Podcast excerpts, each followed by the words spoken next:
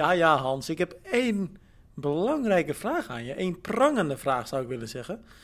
Kun je nog een beetje lopen? Want uh, kijk, we hebben je natuurlijk vorige week op de pijnbank gelegd op de Limburgse heuvels. en daarna heb jij nog even vier, vier dagen festivalletje gehad. Uh. Ja, ja, ja, het was de ideale voorbereiding, Tim. Oh, wat heb ik jou met momenten vervloekt. Uh... je was echt een beetje boos, hè? nee, dat is uh, wel. Maar die, die, die Gulperberg die was er te veel aan. Dat was wel, die, was, die was pittig, uh, Daar hadden ze nooit dat bord mogen zetten, 14%. Toen ik dat zag, toen, toen, toen zakte mijn moed ook 14%. en het was daarvoor al, al pittig. Maar ik, vond, ik, ik moet eerlijk zijn, je had een hele mooie route uitgetekend. maar het is toch een stuk zwaarder dan ik verwacht had. We hadden natuurlijk ook niet, uh, nou ja, het is een beetje hoe je het bekijkt. Op zich is het prettig dat het mooi weer was. Uh, maar we hadden natuurlijk geen weer wat het per se heel veel makkelijker maakte. Het was echt nee, uh, warm die dag. Het was, zelfs de wind was warm. Ik denk dat het nou, 3, 34 graden was. Dus ja, dat maakt het best wel pittig. Maar we hebben toch al een mooie ronde van, uh, nou ja, wij dan uh, uiteindelijk ietsje meer. Jij bent iets eerder afgehaakt omdat je ook weer terug moest naar België. Maar ja, klopt, nou ja, klopt. rond 100 kilometer gefietst. Ja. Met echt wel serieuze hoogtemeters. Dus het was echt een leuk dagje wat dat betreft. En ik moet zeggen, ik vond het Shimano Experience Center ook echt tof om te zien. Ik kende het niet. En nou ja, we werden daar met open armen ontvangen. Mooie rondleiding gehad. Het is echt wel tof. En... ehm Kijk, zij zijn geen, uh, geen partner of adverteren bij ons, dus ik, ik mag er ook gewoon kritisch over zijn. Dat mogen we trouwens bij partners ook, maar goed. Ja, ja. Uh, ik kan hier echt volledig vrijheid over spreken. Maar als ik het dan mag zeggen, dan zou ik iedereen eigenlijk willen aanraden daar eens heen te gaan, een fietsje te huren en nou ja, ook die rondes van de Amstel Gold Race te rijden. Want ja, het, is niet alleen een toffe training, het is ook gewoon echt, echt tof om te doen. Ja, en zeker als je het in groep doet, dat is een leuke teambuilding. Um, en eigenlijk, ja, zoals je zegt, ze hebben eigenlijk een beetje voor, uh, uh, voor ieder wel iets. Je kan de verschillende lussen doen van, uh, van de Amstel, maar je kan ook gewoon een, een vlak parcours doen. Ze hebben mooie mountainbike routes. Dus het is echt wel heel leuk om, om zo'n experience bike center te hebben in het hart van, van Valkenburg, van waaruit je eigenlijk alle kanten op kan. Dus ik, ik vond het echt ook inderdaad wel, wel heel mooi. Voor mij persoonlijk overigens ook nog een leuk weerzien met uh, toch wel een van de topduatleten uit Nederland vroeger. Want uh, niemand minder dan Roger Smits was uh, onze um, begeleider via Shimano. En ja, dat was, was wel leuk om hem nog eens, nog eens terug te zien. En wat ik leuk vond is, jij, uh, jij, jij moest heel eventjes uh, zijn naam plaatsen. Maar je wist ook gelijk de data op te noemen. Hè? Want volgens mij had je het over een WK 2004. Als ik ja, vond ik wel een grappige. Uh, ja. ja. want hij was erbij in 2004 op het WK Duathlon in Geel, waar ik destijds speaker was. Waar Benny van Zeeland toen de overwinning pakte. Dus dat, dat kwam meteen in een flits helemaal terug. En ik zag jullie kijken van 2004. toen zat ik nog op de middelbare school, Hans. ja, kijk. Dus, wanneer, wanneer ben jij eigenlijk echt in aanraking gekomen met triathlonsport? Um, ja, eigenlijk al in um, begin jaren negentig, omdat mijn pa, die was uh, journalist voor Gezet van Antwerpen en die volgde uh, regionaal hier triathlon. Um, en die mocht dan ook af en toe komen opdraven als uh, speaker. En dan ging ik af en toe mee op de motor om, net zoals jij, een beetje tussenstanden door te geven. En van daaruit ben ik zelf aan het, aan het speakeren begonnen. Mijn eerste speakerklus was in 1997, dus kan je nagaan okay. dat ik er, er al serieus wat jaren in zit ondertussen. Maar je bent, het is je echt met de paplepel ingegoten dus eigenlijk. Yep, yep. Ja, leuk. En leeft jouw vader nog? Of? Ja, ja, ja. Die okay. uh, wordt er dit jaar 74. En volgt hij de sport dan ook nog? Ja, die volgt het nog wel. Die komt ook af en toe nog eens uh, mee. Uh, heel af en toe valt hij nog Leuk. eens mee in als speaker. Uh, maar hij staat er iets verder van. Dus hij doet dat ook iets minder graag tegenwoordig. Maar ik ben altijd blij als we nog eens met z'n tweeën staan. Dat is toch altijd wel een leuke dynamiek. En, en, veel atleten kennen hem ook nog wel. Dus dat is echt wel, wel top. Dus ja, kudos aan Jeff Klimput. Nou, bij deze, ook uh, wat mij betreft. Hans, uh, uh, ja, jij, bent, je hebt een druk weekendje ook achter de rug. En dan niet alleen wie, triathlon, want wat, wat ik net zei, je hebt een, een, een, een, festival achter de rug. Maar volgens mij was er ook meer dan voldoende om te genieten dit ja, weekend, ja, ja. qua, qua sportgebied. Ja. Ik had eigenlijk verwacht, Um, het is geen kritiek, maar ik had eigenlijk verwacht... Hans die pakt groots uit met Everett Rob. Maar uh, dat heb je nog niet gedaan. Ja, tegen dat, dat, deze online uh, staat, dan staat het er bij okay. ons ook op. Maar ik heb bewust even voorrang gegeven aan de sportieve prestaties van onze toppers in, in Klagenvoort. Ja. En straks volgt nog een artikel van, van Rob. We hebben nog redelijk wat nieuws te brengen. Um, want de, ik, ik vind het een fantastische prestatie. we hebben ook vorige week het interview met hem, wat ik in Gerardsbergen met hem deed, gepost. Dat heeft heel veel kijkers gehad. Dus dan merk je toch dat uh, de naam Average Rob toch wel wat losmaakt. Um, en deze keer superveel positieve reacties. Er waren links en rechts nog wel een paar uh, zeurpieten die, die vonden van ja, maar ja, het gaat meer om de likes dan om uh, een gezond lichaam en dergelijke. Uh, maar de meesten hadden zoiets van hey, geweldig dat hij het doet en we hebben er vertrouwen in en het gaat hem lukken. Hij is goed voorbereid, heeft goed getraind, heeft een goede begeleiding. ik zag het ook in Gerardsberg, hij staat scherp, hij, hij straalde vertrouwen uit. Um, en niet te vergeten, hij heeft een achtergrond, Tim, als sporter. Hij is vroeger ja. een zwemmer geweest. En dat merkte hij in Klagenvoort ook aan, aan zijn zwemtijd. Die was best wel goed. Ik dacht... Ja, want hij zwom, wat was het? 1-3 1-3, hè? Ja, ja. ja, dat is hard hoor. En, ja. uh, maar ik moet heel eerlijk zeggen... Um, het was zijn eerste hele natuurlijk. Hij kondigde in, uh, in januari uh, aan... Nou ja, een keer een Ironman te willen doen. Een volledige afstand dus. En uh, hij finisht gewoon eventjes, tussen haakjes eventjes, in ja. 12 uur 26. Ja. En nou ja, zeker voor je eerste is dat een hele respectabele tijd. Zoals, zo heb ik met, het ook in mijn Met een half jaar trainen, hè? Ik, ik vind Precies, het indrukwekkend, uh, 12 uur 26. Ja. Dat, dat heeft hij zeer goed uh, gedaan. Um, ik zeg het, want het, dat we ook daarnet eigenlijk op komen. Het enige jammer dat ik eraan vind, is dat dan in de nationale pers bij ons het alleen maar gaat dit weekend over Average Rob, die zijn Ironman gehaald heeft. En over de andere topprestaties van de Belgen net iets minder. En dan ik laten van, wij het daar nu over hebben, Hans. Ja. laten wij het daar inderdaad nu over ja, hebben. Voilà, want het voilà. is natuurlijk heel tof wat, wat Average Rob doet. En ja. Overigens ook, ook kudos voor, voor zijn broer, uh, Arno ja. de Kid. Uh, want die heeft hem ook uitgedaan. Alleen die had iets meer dan 15 uur nodig. En die heeft een hele lange marathon gedaan. Dus ik denk dat dat een Ironman Shuffle is geworden, uh, zoals we ja, dat allemaal heeft, kennen. Maar die heeft ook wel lang gefietst hoor. Die heeft 7 uur 24 ja, gefietst. Ja, ik, ik dus weet niet of hij iets heeft... voorgehaald heeft of dat het gewoon... Het is, wel, is geen gemakkelijk parcours. Het is niet echt klimmen, maar het is wel heel glooiend. Um, Tim van Hemel, die, uh, die zijn debuut gedaan heeft in Klagenvoort, die was het gaan verkennen. En die zei ook van, ja, je, kan wel op de grote plaat constant eigenlijk tempo blijven aanhouden. Maar het is niet dat het echt een heel vlak parcours is. Het is niet het snelste parcours, maar het is wel mooi. Ja, nou, het is volgens mij inderdaad mooi. Ik zag ook wat foto's voorbij komen, dat zag er prachtig uit. Wat mij uh, heel erg opgevallen is, voordat we dan nu de Belgische en ook, ook zeker de Nederlandse prestaties gaan bespreken, was de grote, waren de grote verschillen tussen de, de profatleten. Er waren echt, uh, nou ja, er zaten echt, echt grote gaten tussen de nummers 1 tot en met 20, zeg maar. Ja. En uh, ik had het idee dat die verschillen veel groter waren dan eigenlijk normaal. Ja, maar ja, we zouden het eigenlijk eens moeten gaan kijken of het echt klopt. Mijn theorie is daarbij wel Cam Wurf. Ja. Aan 45 gemiddeld. En als daar nog wat volk meegaat in zijn zog. Uh, en dan kom ik ook weer op um, ja, een stukje kritiek dat, dat Pieter Hemerijk uh, de laatste weken al een paar keer geuit heeft. Als je niet mee bent bij die kopgroep. Um, en, en daarvoor wordt dan hard gefietst en er zitten nog wat motors bij. Dan is het heel moeilijk om terug te komen en dan ontstaan er grote gaten. Nu, ik, ik heb niks gezien van de race in, uh, in Klagenvoort. Um, dat was dan wel jammer, want het was eigenlijk best wel een mooie wedstrijd. dat daar geen livebeelden van waren, dat vond ik wel jammer. Um, maar Wurf ging gewoon keihard, jongen. Echt 45 ja, per uur weer. Niemand hield hem ook bij. En dat is op zich geen beeld waar we natuurlijk raar van op staan te kijken. Hij fietst eigenlijk altijd in zijn eentje weg bij de groep. Maar wat je zegt, die gemiddeldes en die tijden, het is echt niet normaal. Maar ja, aan de andere kant, Hans, hij kan wel elke keer zo hard rijden. Ja. Maar uiteindelijk staat hij toch steeds met lege handen. En dat is natuurlijk een beetje overdreven, want hij wordt nog steeds super knap tweede. Heeft zijn felbegeerde Ironman uh, WK-slot. Dus hij is wat dat betreft heel tevreden. Maar winnen die wedstrijd, dat lukt hem steeds niet. Nee, hè? nee weer, uh, weer tweede. En ik dacht nu, want ik ben het ook effectief aan het volgen geweest. En ik dacht, ja, er zit wel een kans in. Ik wist ook niet hoe goed ik uh, uh, die uh, Matthias Petersen moest inschatten. want die staat eigenlijk nog niet zo lang aan, aan de top. Die heeft ook een geweldige prestatie neergezet. En ik dacht wel, ik denk van, oké, goed. als je met vijf minuten voorsprong kan beginnen aan de marathon, wie weet zit het erin. En hij heeft hem eigenlijk nog lang afgehouden. maar dan zag je wel op een gegeven moment, ja, rond, rond het halve marathonpunt, rond kilometer 21, dan was het verschil nog een goede minuut. Ja, en toen dacht ik ook van, ja, dit, dit gaat hij nooit kunnen houden. En uiteindelijk wordt het dan toch, wat was het, nog zes minuten geloof ik, hè, het verschil. Ja, zoiets. Ik zoek het eventjes op. 7,56 versus 8,02.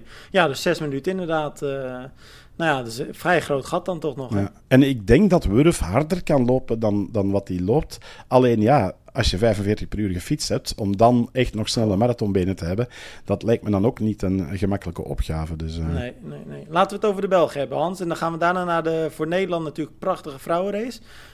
wat waren de Belgische successen daarin klaargevoerd? Ja, het, het grootste succes kwam natuurlijk op naam van Tim van Hemel die een, een hele mooie tiende plaats pakte in zijn uh, debuut.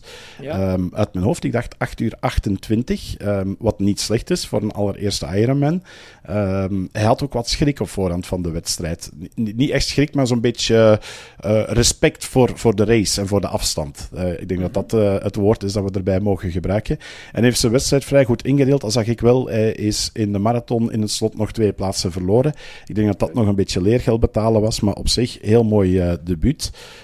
Vincent van de Wallen die was uh, zeer goed in vorm en die was erop gebeten omdat we uh, ja, per ongeluk vergeten waren ehm, erbij te vermelden toen we zeiden dat uh, Alistair Brownlee ging meedoen en Average Rob. En dan hadden we het over Stijn Goedstouwers en Tim. Ik wist toen niet dat Vincent hem ging doen. Um, en die stuurde toen een berichtje van hey, ben je niemand vergeten? Heb ik iets verkeerd gezegd of zo? Ja. maar hij stuurde dan ook terug van ja, ik put er extra motivatie uit en ik ga nog harder gaan. maar die heeft helaas mijn maagproblemen moeten, moeten opgeven. Um, en Sten Goedstouwers die is dan ook nog tot 20 gefinished. Ah, hij is daar een keer tweede geweest. Dus dat was wel een klein beetje beneden de, de verwachtingen. Het is nog niet het seizoen van, uh, van Sten, maar de tank van Wustwezel die gaat er nog wel, uh, wel doorkomen. Dus dat, uh, dat komt ongetwijfeld nog wel goed. Um, ja. Maar op zich maar dus ja, best een mooie race. ja, ja, als je dan naar Tim van Hemel kijkt, zijn debuutrace, tiende Kijk, hij verslaat Milan Brons, die werd veertiende. Hij verslaat, nou ja, dat is dan niet misschien de allerbeste long distance atleet, maar hij verslaat ook um, Evert Scheltiga. En uh, die werd vijftiende. Die had echt een, ja, toch wel een hele beroerde dag eigenlijk. 8,38. Uh, zat dus net achter Milan. Maar is nog steeds de snelste Nederlandse long distance atleet. En ja. uh, Tim van Hemel legt ze er flink op dan. Uh, wat ja, ja, ja, ja. Ja, en ik denk dan nog altijd zelf eigenlijk van ja, 8,38 ik klaargevoerd eigenlijk basically niet echt slecht. Maar als je dat in vergelijking, in verhouding met de rest ziet, ja, dan, dan uh, is dat toch wel een, een gigantisch schat. Uh. Ja, maar ze, hebben, ze hebben wel een mooie haasje overgespeeld, uh, zag ik bij jullie. Ja, zij, zij wisselden constant af. En kijk, Evert heeft echt een ja, hele, hele slechte dag op de fiets gehad, helaas. En ja, verloor daar gewoon heel veel tijd en heel veel posities. Milan die, die kwam op een paar minuten achter Evert uit het water. Uh, fietste eigenlijk zoals altijd behoorlijk sterk. Haalde Evert op een gegeven moment ook in. Vervolgens haalde Evert uh, Milan weer in tijdens de run. Maar in de laatste kilometers haalde Milan Evert opnieuw weer in. Dus dat was op zich een hele mooie, spannende Nederlandse strijd. Alleen ja, voor de Nederlanders was het natuurlijk wel jammer dat die strijd zich op, nou ja, uh, echt dik een half uur, bijna 40 minuten zelfs, mm-hmm. van de winnaar afspeelde. En uh, ja, het lastige een beetje nu is, kijk, Evert uh, heeft natuurlijk uh, historie geschreven door de snelste Nederlandse atleet ooit te worden in Almere. 2021 uit mijn hoofd. Um, of was het 22? Nee, 21 inderdaad. Ja. En, uh, maar daarna heeft hij ja, best wel wat probleempjes gehad. Uh, lichamelijk niet helemaal altijd in orde. Um, nou ja, en nu heeft hij uh, zijn tweede toch wel tegenvallende race van het jaar meegemaakt. Hij schrijft het ook op socials. Uh, is gewoon nog niet helemaal in de mhm. vorm, of eigenlijk helemaal niet in de vorm die hij zou moeten hebben. Ja, zijn leeftijd speelt natuurlijk ook al een beetje mee. Is uh, 4 of 35. Uh, het gaat er niet makkelijker op worden voor hem, denk ik. En als je dan tegelijkertijd weer kijkt naar die jonge Nederlandse gasten die aan de deur ja, zijn. We hebben Juri Keulen, die uh, vijfde werd dit weekend in mm -hmm. um, Luxemburg. Ja, die daar moeten we het zo over hebben. Ja. ja. laten we het daar zo inderdaad over hebben, want dat was ook nog wat. Uh, maar we hebben natuurlijk uh, ook Menno Koas, die in Gerardsbergen won. Nieuwkoop won de week daarvoor en nu vierde in, po in Gedansk werd. ja, het wordt voor Scheltinga denk ik wel een beetje, voor Evert wel een beetje uitkijken, denk ik, wat dat betreft. En ik kan me zo voorstellen dat het ook wel in zijn kopje gaat zitten. Ja, maar die gaat gewoon Challenge Almere winnen en dan is het weer allemaal vergeten en vergeten. Ik geloof dat hij dit jaar geen, uh, geen oh, Almere okay. gaat doen. Hij, ik geloof dat hij zich ook eigenlijk wel uh, een beetje meer op Ironmans wilde gaan richten. Ja, ja. Uh, maar goed, misschien dat hij daar nog op terugkomt, geen idee. Mm -hmm. Kijk, dit lijkt me niet helemaal het pad wat je zou moeten bewandelen. Het is in ieder geval nog niet het resultaat wat je wil hebben. Nee, ja, ik denk dat dat mentaal ook geen, uh, geen gemakkelijke is. Ja, en nee. je krijgt natuurlijk ook die druk. Hè, van, je, je hebt dan de, de, snelste Nederlandse tijd ooit op de volledige triathlon neergezet. Uh, dan gaan mensen je daar natuurlijk altijd mee gaan vergelijken. Dat is ook zo'n uh, zo'n typische... Ik, ik had dezelfde reflectie afgelopen week, Tim. ik weet niet of je de Ronde van Zwitserland een beetje gevolgd hebt. Nee, eigenlijk niet. Remco Evenepoel, die daar in een bergrit mee in de aanval ging... En en dan de leiders even moest laten gaan en toch nog terugknokte naar een vierde plaats. En dan dacht ik eigenlijk zelf goed gedaan. Ehm, en ehm, de man die vijfde was, nu Kian Uitenbroeks, of Ilan van, ik denk Kian Uitenbroeks dat het was, die werd vijfde en die werd dan opgehemeld in alle kranten. Dus dan stonden grote, dikke titels. Remco Evenepoel komt zichzelf tegen. En dan ja, topresultaat, uh, mooie vijfde plaats uh, voor de tweede Belg. En dan denk ik van ja, wat is het verschil tussen een vierde en een vijfde plaats? Jezelf tegenkomen en heel knap presteren. Dat is als je wereldkampioen bent en de lat zo hoog wordt gelegd dat je constant daarmee wordt vergeleken. En dan denk ik ja. Ergens is dat ook wel logisch, toch? Ja, het is wel een beetje logisch, maar het is niet altijd fair, vind ik. Ik bedoel. Nee, maar doe je dat zelf dan ook niet? Want uh, laat ik dan heel eerlijk zijn, als ik naar mezelf kijk, uh, doe ik dat als journalist ook. Kijk, ik verwacht van een Evert, verwacht ik meer dan van een Milan. En uh, ik denk dat dat logisch is als je je baseert op nou ja, de prestaties van, van nou ja, de voorgaande jaren. En tuurlijk moet je daarbij de huidige situatie in het oog houden. Dus dat probeer je natuurlijk ook altijd te doen. Maar het is logisch dat als je naar een Evert kijkt, die, en voor de mensen die het niet weten, eh, vierde werd op het WK in toen dus 7 uur 49. Dus dan ben je echt wel een groot als je zo'n tijd weet neer te zetten. Uh, ja, dan, dan, dan zijn de verwachtingen daar toch heel logischerwijs ook hoger van. Ja. Dat, dat, ergens klopt dat wel, inderdaad. Uh, dat moet ik ook toegeven. Langs de andere kant heb je natuurlijk altijd de vorm van de dag, hoe je voorbereiding is geweest, de wedstrijdomstandigheden, het weer en dergelijke. Er zijn zoveel factoren die daarin in meespelen. Um, en zeker vind ik ook uh, binnen onze sport op die volledige afstand, ja, je doet er hooguit pakweg drie per jaar. Hè. De meeste ja. pro's die, die mikken op twee, drie wedstrijden. Ja, als je dan één wedstrijd geen goede dag hebt, dan is de helft van je seizoen naar de kloten. Dat is lastig, hè? Die, die balans daarin vinden. Ja, ja.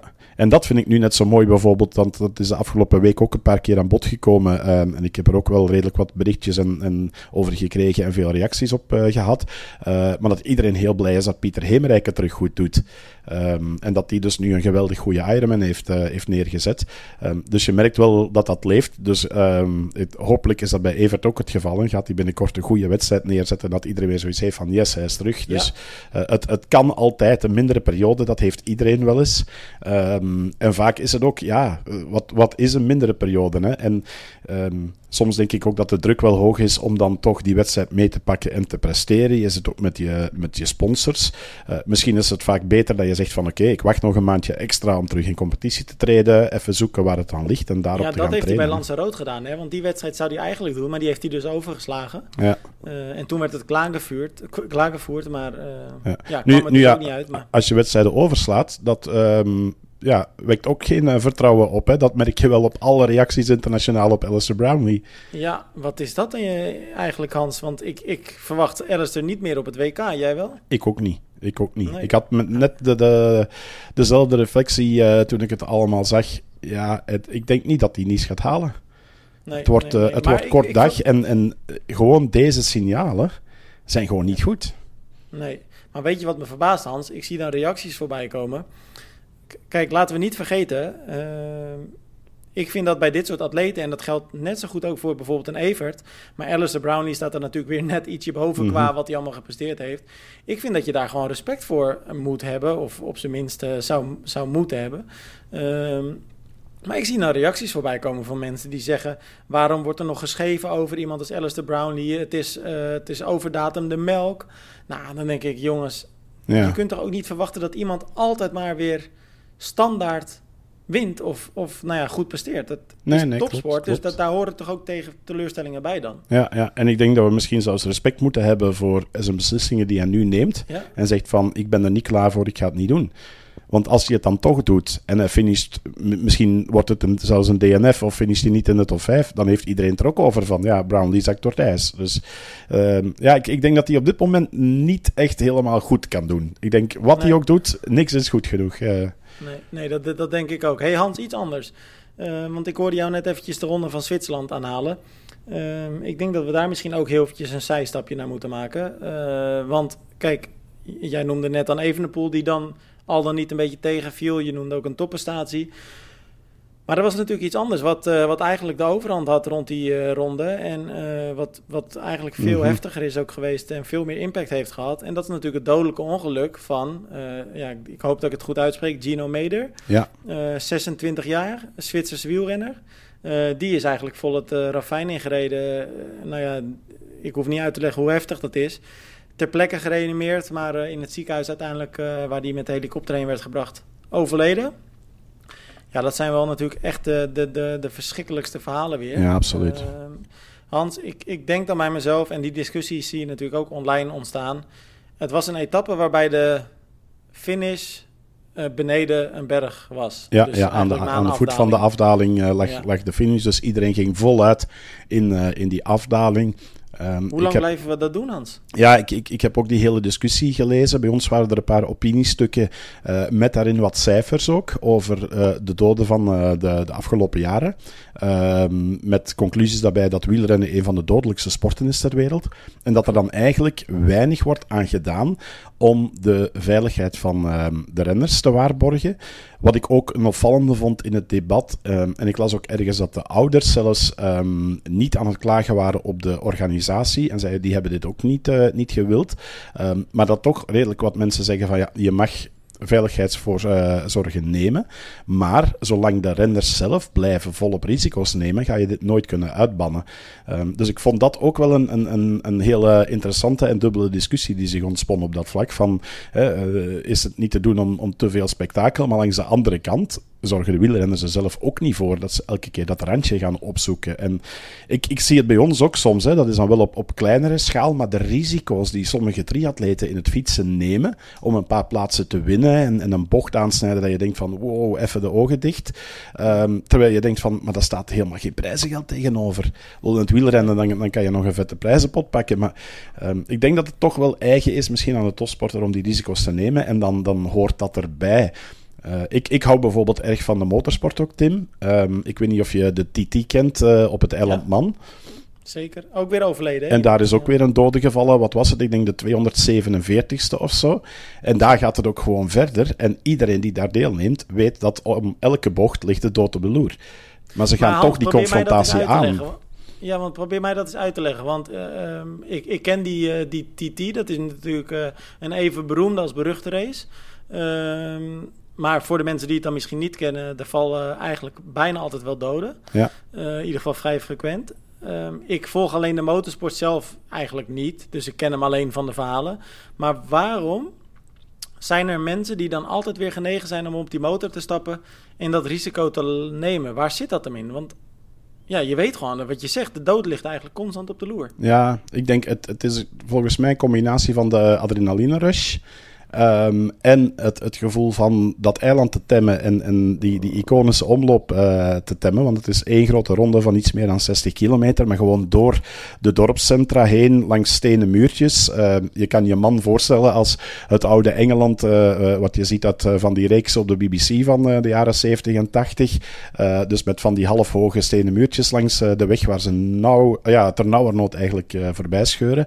Ja, dat heeft iets. Dat werkt. Ik ben zelf ook motorrijder en, en dat dat werkt wel. Ik bedoel, eh, als je die beelden ziet, dan, dan waan je jezelf ook even uh, coureur, zeg maar. En, en stel je je voor van hoe het moet zijn om daar, om daar te rijden.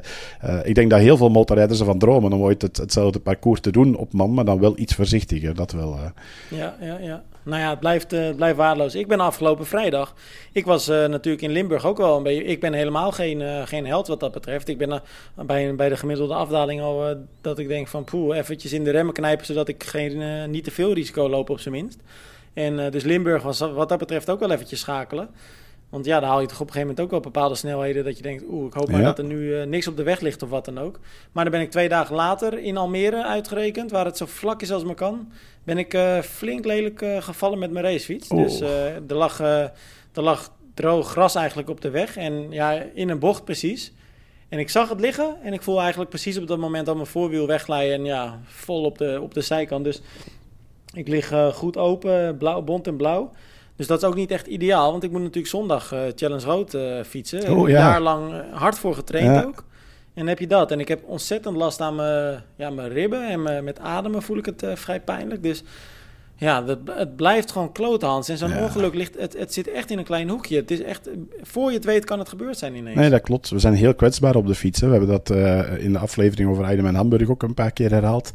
Um, dus uh, bij deze de tips aan iedereen, blijf voorzichtig. Um, en en uh, niet, niet te gek doen, hè. Eroot ook niet, hè, ja, Tim. Dat, wat, wat, was jou, overigens jouw eerste vraag toen je recht stond? nou, zal ik je een mooi verhaal vertellen. Ik, uh, ik, het was in een beetje in een uh, buitengebied gebeurd. Dus ik lag, ik, ja, ik crashte, ik lag op de grond. Ik, het eerste wat ik toch even deed was voelen of er niks gebroken was. Nou ja, dat, ik kon alles bewegen. Uh, ik zag mijn fiets gelukkig in de berm liggen. Dus ik dacht, nou, dat is al een voordeel. Dat is in ieder geval niet heel erg over het asfalt gegaan. En op dat moment kwam er eigenlijk op het moment dat ik een beetje opstond. want ja, je bent toch even een paar seconden van slag. Hè? Je denkt van, nou ja, je bent een beetje in shock. En um, toen kwam er een man, een beetje een oudere tourfietser aangereden. En uh, die stopte bij mij. Hans, weet je wat het eerste was wat hij zei? Hoe is het met je fiets? Je... Nee, ah. wat heb je een mooie fiets. Ah. dus ik zeg ja, dank je. Maar ik heb wel wat anders aan mijn hoofd nu. maar dat is toch vrij apart, Hans, of niet? Ja, ik lag ja. helemaal bebloed ook, hè? Dus... Ja. Oké. Ja, apart. Ja. Ja, prioriteiten, prioriteiten zijn belangrijk in het leven. Ja, ja, ja. nou, ja dat heb je, heb je met die canyons. Hè? Die, die mensen vinden ze toch mooi. Hè? ja, maar het is ook wel een mooie inderdaad. Zeker als er zon erop staat, dan verkleurt hij zo'n beetje. Dus uh, ja, vind hem, uh, vind hem inderdaad zelf uh, ook wel echt knap. Zo, zullen we het over beter nieuws hebben? En dan zeker Nederlands. Want ik was echt zeer onder de indruk van Lotte Willems, Tim. En eerlijk gezegd, ik deel die, die indruk. Of, ik vond het net zo indrukwekkend als jij. En, maar het verbaasde me niet. En kijk, zij is zo gigantisch sterk. En zij heeft echt de afgelopen, nou, ik denk anderhalf jaar inmiddels al wel. Zo'n enorme uh, progressie geboekt. En nou ja, als je nu ook kijkt naar Klagenvoer dan, want daar, daar gaat het natuurlijk om. Ehm, weet je, Hans, ze zwemt gewoon bij de start weg. En bij de finish uh, uh, zien we er pas weer. Ja. Niemand, uh, niemand kan beide blijven. En nou ja, oké, okay, ze verloor met de marathon uiteindelijk twee, drie minuutjes of zo. Maar ze won nog steeds eigenlijk met overmacht. En 8,56, hè? Dus dat ja, ja, ja sub 9. Um, ehm, want daar, daar hebben we het eigenlijk te weinig over. Hè. We, we, hebben het heel snel over sub 8 bij de mannen, omdat dat, dat is die iconische grens van die, die 8 uur. Uh, maar sub 9 is eigenlijk, ja, die 9 uur is dan weer wat uh, voor de vrouwen, wat uh, voor de mannen de 8 uur is. Dus heel knap dat ze dat doet in, dacht ik, nog maar haar tweede Ironman, Tim. Ja, de tweede long distance inderdaad. En uh, grappig dat je dat zegt van die, van die negen uur, want dat is bij vrouwen zeker een dingetje. En uh, nou ja, de meeste Nederlandse triathlon-fans zullen het misschien wel weten, de Belgen wellicht iets minder. Um, wij hebben met Yvonne van Vlerken natuurlijk de Nederlandse vrouw die internationaal gezien het meest vaak onder de negen uur is gelopen. Mm -hmm. Dus dat is echt een hele prestatie van formaat. En als je dan nu kijkt naar Lotte, die 8,56 dus, nou ja, jij zei het net ook al, geen makkelijk parcours. Nou ja, zet het bijvoorbeeld eens af tegen die tijden van Milan en Evert. Uh, 20 minuutjes daarna. Ja, Hans, dan, dan heb je een goed dagje gehad hoor. Ja, ja, ja, ja absoluut. Dan ben je absoluut. echt wel sterk. Ja. Wat dan wel weer jammer is, uh, maar goed, dat kunnen we elke keer eigenlijk zeggen. Dus dat ja. is bijna een beetje zuur. Maar het vrouwenveld was natuurlijk niet heel groot en ook niet per se heel erg sterk. Uh, maar ja, het doet helemaal niks af aan de prestatie die, eh, die Lotte zelf levert, wat mij betreft. Nee, nee, nee, dat klopt. Dat klopt helemaal. Uh, zij kan er niet aan doen. Dat, dat de anderen die zijn, hebben we ook al een paar keer uh, gezegd. Uh, maar het was ook, bedoel, als je kijkt naar haar tijden en naar haar gemiddeldes, ja, gewoon echt oh. heel sterk gedaan. Het, ja. Het, ik, ik moet heel eerlijk zeggen, Hans, en dit hebben we ook al vaker met elkaar besproken. Maar voor de, de gemiddelde Nederlandse triathlon-fan zijn het gouden tijden hoor. Want wij hebben gewoon bij elke wedstrijd bijna wel een kans hebben, joh. Ja, ja. Dat is echt tof. Nou, aan de andere kant, we hadden nu dus uh, Menno Koolhaas. Die werd natuurlijk ook gezien als grote favoriet voor uh, Challenge Gedansk. Uh, die vond op dezelfde dag plaats. Daar ging het eventjes wat minder.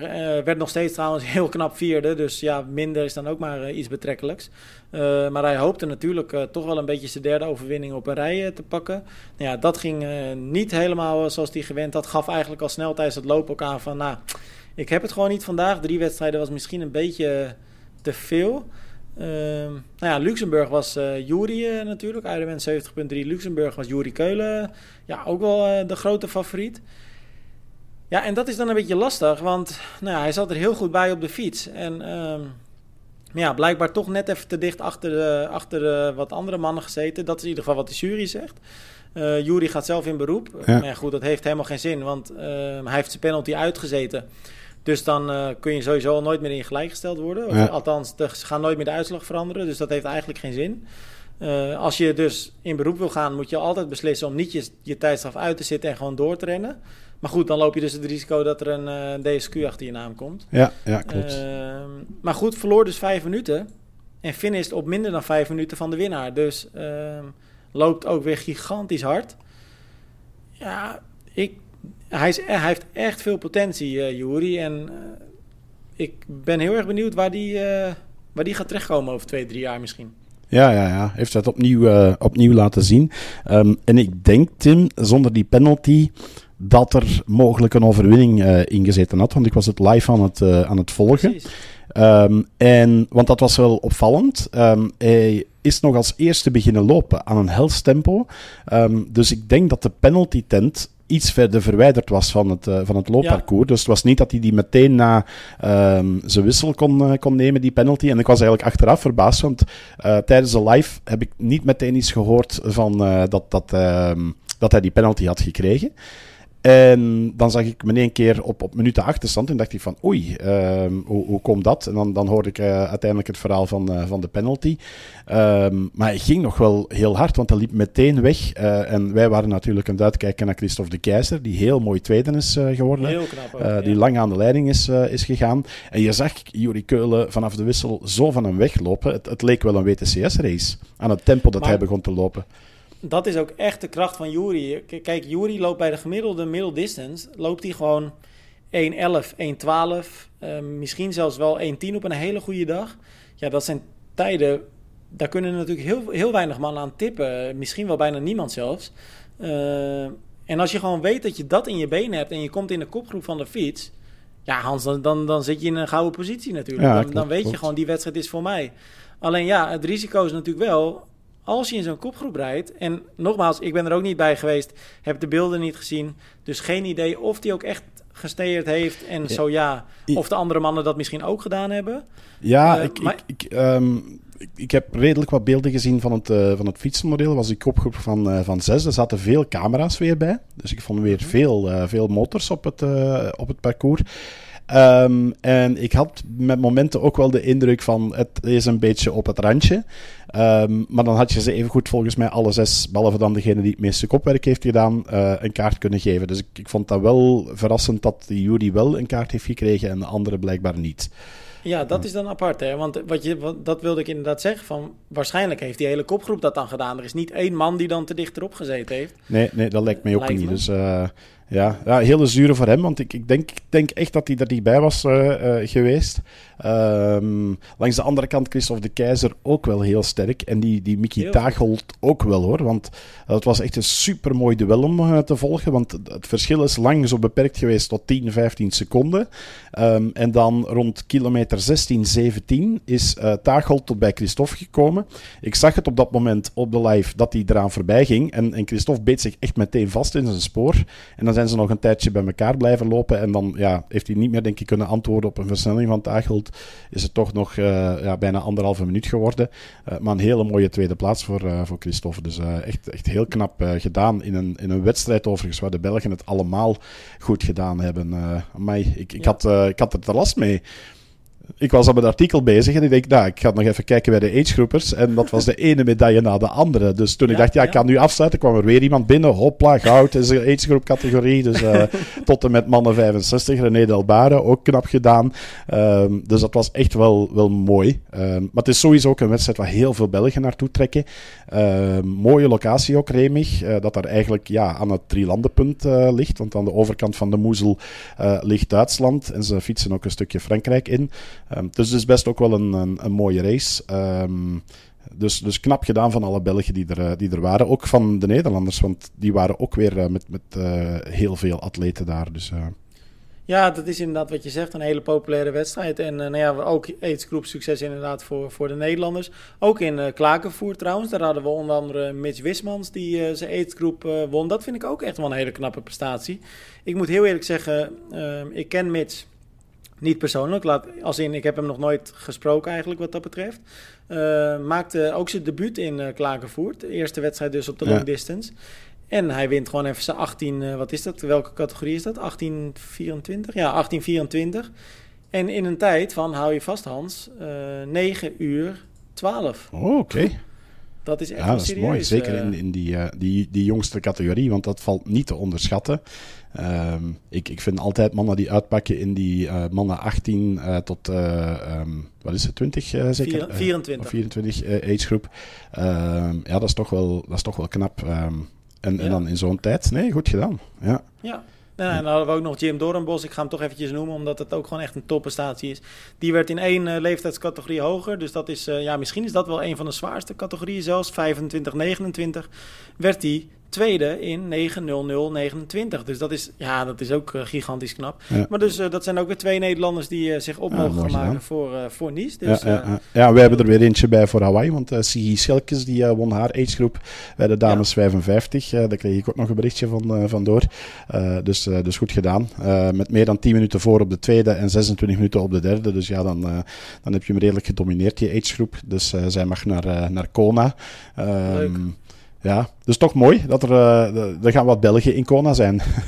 ja, nou tof. Hey Hans, uh, ben je al een beetje aan het inlezen ook voor, uh, voor de Nederlandse topfavoriet voor het NK aankomende zaterdag? ja, ik was nu begonnen met de Belgen die mogelijk voor de Nederlandse kampioen gaan binnenkomen. ja, ja, ja. Zit of, Jonathan Wajaffe er weer bij? ik, ik weet niet of hij hem gaat, gaat doen, want ja, okay. die seizoen is natuurlijk door die, die crash in Gran Canaria wat wat veranderd tegenover ja. wat, wat eerder het plan was. Dus ik weet niet wat precies op zijn agenda staat. Uh, maar ja, andere mannen zoals Joran Driessen en Dieter Boeien. Die, um, ja, ja. Joran Driessen, die, die wat was het vorig jaar denk ik ook derde is geworden. tweede of derde tweede, uit mijn hoofd. Tweede dacht ik zelfs. Hm. weet je het zeker? Ja... Ik durf het niet meer met nee, zekerheid zeggen. Niet zo heel snel, Want dat was toen ook in Rotterdam, dacht ik, hè? Dat was ook in Rotterdam. Als jij een beetje doorpraat, ga ik het even snel Ik ben hier ook de zoekfunctie op triathlon.be ah, okay. uh, gebruiken. maar, maar goed, ja, hij, hij, wint zoveel en hij pakt zoveel podia bij ons dat het uh, zelfs een heel stuk scrollen is voordat ik hier iets vind. Van, ja, twee Belgische triatleten ja, in top 5. Ja, ja, ja. Ja, dat was inderdaad netjes. Ja. Uh, toen werd uh, Jorik uh, natuurlijk Nederlands kampioen. En toen had je Joran Dries op nummer 2 en Dieter Bouillet op, op nummer 5. Ja, dus uh, eigenlijk zijn, zijn jullie, de Belgen, altijd wel sterk ook op onze NK's en eredivisiewedstrijden. Ja, ja, ja, absoluut. Betreft, daar, daar zijn we voor. ja, Niveau wat ook dus... Nee, nee. Uh, dit is, uh, ik, ik denk dat het een goede mix is. En, en ik geniet ook altijd wel van de Nederlandse toppers die bij ons komen meedoen. Uh, in Gerasberg hebben dat nog gekscherend gezegd. Van, ook bij de persconferentie en zelfs aan de finish. Van ja, Menno Cola's die heeft de reputatie hoog te houden. Want als hij in België meedoet, ja, dan wint hij. ja, ja, dus op dat vlak kennen we ook de goede Nederlanders. Nederlanders bij ons. Eh, ik, ik vind het wel mooi dat die wisselwerking er is. Uh, de Nederlanders in de T3-series bij ons, de Belgen in de Eredivisie. Um, maar wat jij dus eigenlijk wat bedoelde is uh, dat er topcommentaar komt volgend weekend op het NK in Rotterdam, Tim. Ja, wij hebben natuurlijk, en dan met wij bedoel ik eventjes triathlon.nl, hebben de afgelopen twee jaar de livestreams mogen doen voor het NK OD en NK Sprint. Uh, dat is dit jaar niet anders. Al doen we dit jaar alleen het NK OD dus, aankomende zaterdag. En, maar voor het eerst ga ik het inderdaad met jou doen, Hans. En ja, dus zit ik voor het eerst ook na, naast een ervaren speaker. Want kijk, jij hebt natuurlijk heel wat meer ervaring in het speakeren dan, uh, dan ik of uh, uh, collega's. Dus dat is tof. En als zou het voor jou misschien een klein beetje schakelen zijn om echt de Nederlandse toppers uit te lichten. Maar goed, daar, daar zit ik dan weer, weer voor. Dus ik denk dat het, dat het leuk gaat zijn. En we hadden het net over Jury Keulen, wat ook leuk is. Jury Keulen heeft last minute besloten ook het NK mee te pakken. Cool. Dus dat is wel tof. Ja, ja en die gaat ja. waarschijnlijk heel gebeten zijn door die penalty uh, in, uh, in Luxemburg. Die gaat zich uh, dubbel willen bewijzen. Dus ja, zeer, zeer benieuwd naar. Ja. En ik kijk er wel uit. Ik, ik, ik was eigenlijk al aan het bedenken van. Het wordt zo'n beetje een, een podcast XL voor ons twee. nou, inderdaad. Ik, ik ben bijna een beetje op je uitgekeken ook gewoon. ja, de laatste tijd is het wel erg. En, maar ja, goed. ik, ik weet dat in Rotterdam is de vlak parcours. Dus dan ga ik niet boos zijn op jou. en, en acht rondjes. Dus we, we missen niks ook. Hans, één dingetje nog. Ehm, Kijk, dit weekend dus het NK onder andere, maar er zijn natuurlijk nog veel meer wedstrijden. Grootste wedstrijd dit weekend is natuurlijk wel rood, hè, wat dat betreft. Ja, ja. En ja, ik verwacht er een hele mooie strijd. Ik weet niet hoe dat met jou zit. Ja, ja en nu helemaal met Pieter Hemerijk erbij. Dat, uh, dat gaat uh, echt wel een knaller worden. Um, ik ben zeer benieuwd wat dat gaat geven met minder motoren op het uh, parcours. Um, want dat vind ik ook wel een, een goede om dat eens te bekijken en dat achteraf te kunnen evalueren van heeft dat dan ook zijn rol gespeeld. Dus dat is ook wel een, een factor die ik meepak in het hele verhaal. Um, daarover overigens nog even terug naar 70.3 Ironman Luxemburg. Want ik kreeg van Christian Matthijs, die daar haar eerste halve uh, of e-, eerste 70.3 Ironman, ik weet niet of de allereerste halve was, maar sowieso de eerste 70.3. En um, die vertelde mij van, uh, ook in nasleep van wat wij eerder hebben besproken over uh, Hamburg en dergelijke, dat er um, op het parcours in Luxemburg uh, wegenwerken waren. Die waren duidelijk aangeduid en bij de briefing hebben ze gezegd van wij gaan dat stuk neutraliseren. Uh, dus dat vond ik wel een opvallende beslissing. Dat ze zeiden van, daar wordt niet voorbij gestoken. Dat is een smal stuk, daar zijn wegenwerken aan de gang. Dus op dat moment ga je vertragen. Veiligheid eerst. Niemand gaat daar voorbij steken. Als je voorbij steekt, uh, krijg je een penalty. Dus, um, en daar werd ook wel gezegd van, het was effectief ook heel smal daar. Maar door die, die, die aanmaning eigenlijk, is dat allemaal goed, uh, goed verlopen. Dus dat vond ik ook wel okay. een opvallende. En denk ik van, als dat de uitkomst is van, van een heel zwaar ongeval, dan zijn we misschien wel op de goede weg op dat vlak. Ja, en hebben ze daar dan ook de hele tijd een jurylid bij gezet dat, om dat te controleren? Dat, dat weet ik niet. Uh, okay. dat, uh, dat zou eens moeten, uh, moeten nagaan. maar ik denk ook dat je dan kan rekenen op het gezond verstand van atleten. Die zeggen van oké, okay, ja, daar gaan we ons even aan houden. Um, de... Maar goed, wat jij net in het begin van deze aflevering ook zei gezond verstand ontbreekt heel af en toe wel een ja, beetje. En dan, het is uh, desktopsport, hè? ja, precies. Dus daarom, dat ja, maakt het een beetje ja, lastig. Maar dat, uh, ik, het is in ieder geval een goede ontwikkeling dat ze dit, dit soort dingen aankaarten, op zijn minst. en, uh, ja, dan weet je in ieder geval een beetje wat je te wachten staat. Mm -hmm. hey, ik had nog een opvallende op de korte afstand um, dit weekend. Voor jullie iets minder interessant, denk ik, wegens gebrek aan Nederlanders. Bij ons alleen Hanne de Vet, die haar beste wereldbeker ooit deed, terwijl ja. ze eigenlijk niet in topvorm is. Dus uh, heel goed gedaan van, uh, van Hanne, die daar uh, 24ste werd. Um, terwijl ze eigenlijk dit jaar de focus heeft gelegd op haar studies en haar stage en dus veel minder met triathlon bezig is. En dan in één keer uitpakken met haar beste wereldbeker. Um, nog niet meteen de loopsnelheid die we van haar gewend zijn. is één grote groep ontstaan met Katie Zeferis, met Gwen Jorgensen. En geen een van die twee die gewonnen heeft, Tim. Nee, het was wat dat betreft opvallend wel, hè? Ja, ja. Dus uh, ik, ik was ook uh, verrast, want ik uh, heb het ja, zo, zo half en half nog proberen te volgen. Want het was om, om half één s'nachts bij ons dat de wedstrijd was. Ehm, dus ik heb af en toe nog eens opgekeken op mijn gsm om de tussenstand te bekijken. Ik heb niet de hele live bekeken, want mijn vrouw lag naast mij te slapen. Um, en ja, ik dacht van, oké, als ze beginnen te lopen en ik zag Jorgensen goede tijden neerzetten, dan dacht ik van, oké, dit zou wel eens voor haar kunnen zijn. Maar dan is het dan toch nog een, een zeer verrassende Mexicaanse die daar uh, wint. Jonge dame nog, dus een naam om, uh, om te onthouden. Die uh, Anahi Alvarez was echt wel, wel knap. Het was wel een enigszins opvallende World Cup, vond ik. Want ja, er stonden toch wel weinig echt grote namen aan de stad, ja, wat dat betreft, ja. hè? Ja, heel veel Zuid-Amerikanen. Um, ja. Ik denk dat dat voor veel Europeanen nu ja, langs de andere kant bij de mannen uh, grote Spaanse delegatie, ook Spaanse winst van onze Europese ja. kampioen. Um, dus ik, ik, denk dat het voor velen in dit drukke wedstrijdseizoen uh, net de verplaatsing te veel is om dan naar Mexico te trekken. Daar komen natuurlijk ook wel wat kosten bij. Um, en ja, ja, ik denk dat dat vooral de reden zal, uh, zal zijn. Maar als je dan ziet hoe sterk de Mexicanen zijn, dan denk ik van ja, dat, uh, dat is best wel knap. Natuurlijk voor eigen volk, dat scheelt ook wel. Um, maar het feit van dat Gwen Jorgensen dan tweede wordt, ja, ik, ik, vond dat weer een, een, opvallend. Ik had het haar gegund om te winnen. Ik denk dat dat mentaal voor haar misschien ook wel een goede was geweest in haar comebackjaar. Ik voel het wel een beetje aan hoor. Zo groot fan als dat je bent van uh, Lionel Sanders ben je bij de vrouwen gewoon van, uh, van Gwen Jurgensen? Oh, dat valt nogal mee hoor. Ik heb gewoon heel veel respect voor haar. Dat, uh, dat wel. Ik ben okay. niet de grootste Jurgensen uh, van. Um, maar het, het, het, het, is gewoon, wil, het, het was een fenomeen. Ik vind dat ze veel te vroeg met triathlon gestopt is. ik denk dat ze ja. anders nog veel langer had kunnen domineren. Um, en dan nu als mama terug proberen te komen, ik, ik, vind, dat, ik vind dat wel knap. We gaan ongetwijfeld nog een uh, seizoen lang uh, op zijn minst van haar genieten. Want ja, de doel is natuurlijk nog steeds de Olympische Spelen halen. En uh, nou ja, als je tweede wordt bij een World Cup, ook al is het niet de meest sterk bezette, dan sluit ik niet uit dat ze daarin op zijn minst gaat slagen, toch? Nee, nee, nee. Het zal nog hard werken worden, ook voor Zeferis. Want um, die is uiteindelijk maar dertiende geworden. Ja, die heeft het uh, niet helemaal, hè, dit jaar ook. Nee, maar ja, ook zij komt terug hè, na haar zwangerschap, na de bevalling. Ja. Um, dus ja, dat is dan toch weer even wennen. Ze had een, een loopproef van 18.13 uh, tegenover Alvarez 16 minuten 47. Ja, dat is een uh, gigantisch verschil. Hè. Dus, ja, ja, ja. Alright Hans, we zijn er weer doorheen voor deze week, denk yep, ik. Yep, yep. Uh, ja, ik had er eigenlijk nog eentje, um, die verschijnt bij ons ook nog. Die staat online als deze uh, podcast ook online komt. Uh, maar kudos ook nog even naar Driesje Matthijs. heel sterk alweer. Een, een, week na Gerardsbergen terug top 10 pakken in Gdansk. jullie hebben hem bezig gezien. Hij was weer heel goed. Dat is mooi hè. Wat dat betreft gaan we lekker Hans. Veel Belgisch succes ook. Dus dat is echt ja, Blijft genieten, toch? Ja. Wen nooit eigenlijk. Ja, ja, het wordt plezant volgende week in Rotterdam. Ja, Goeie België, goede Nederlanders. Hans, ik, uh, nou ja, ik spreek je zaterdag dan en uh, we blijven het nieuws gewoon weer lekker volgen, toch? Absoluut. Tot op de podcast XL zaterdag vanuit Rotterdam live.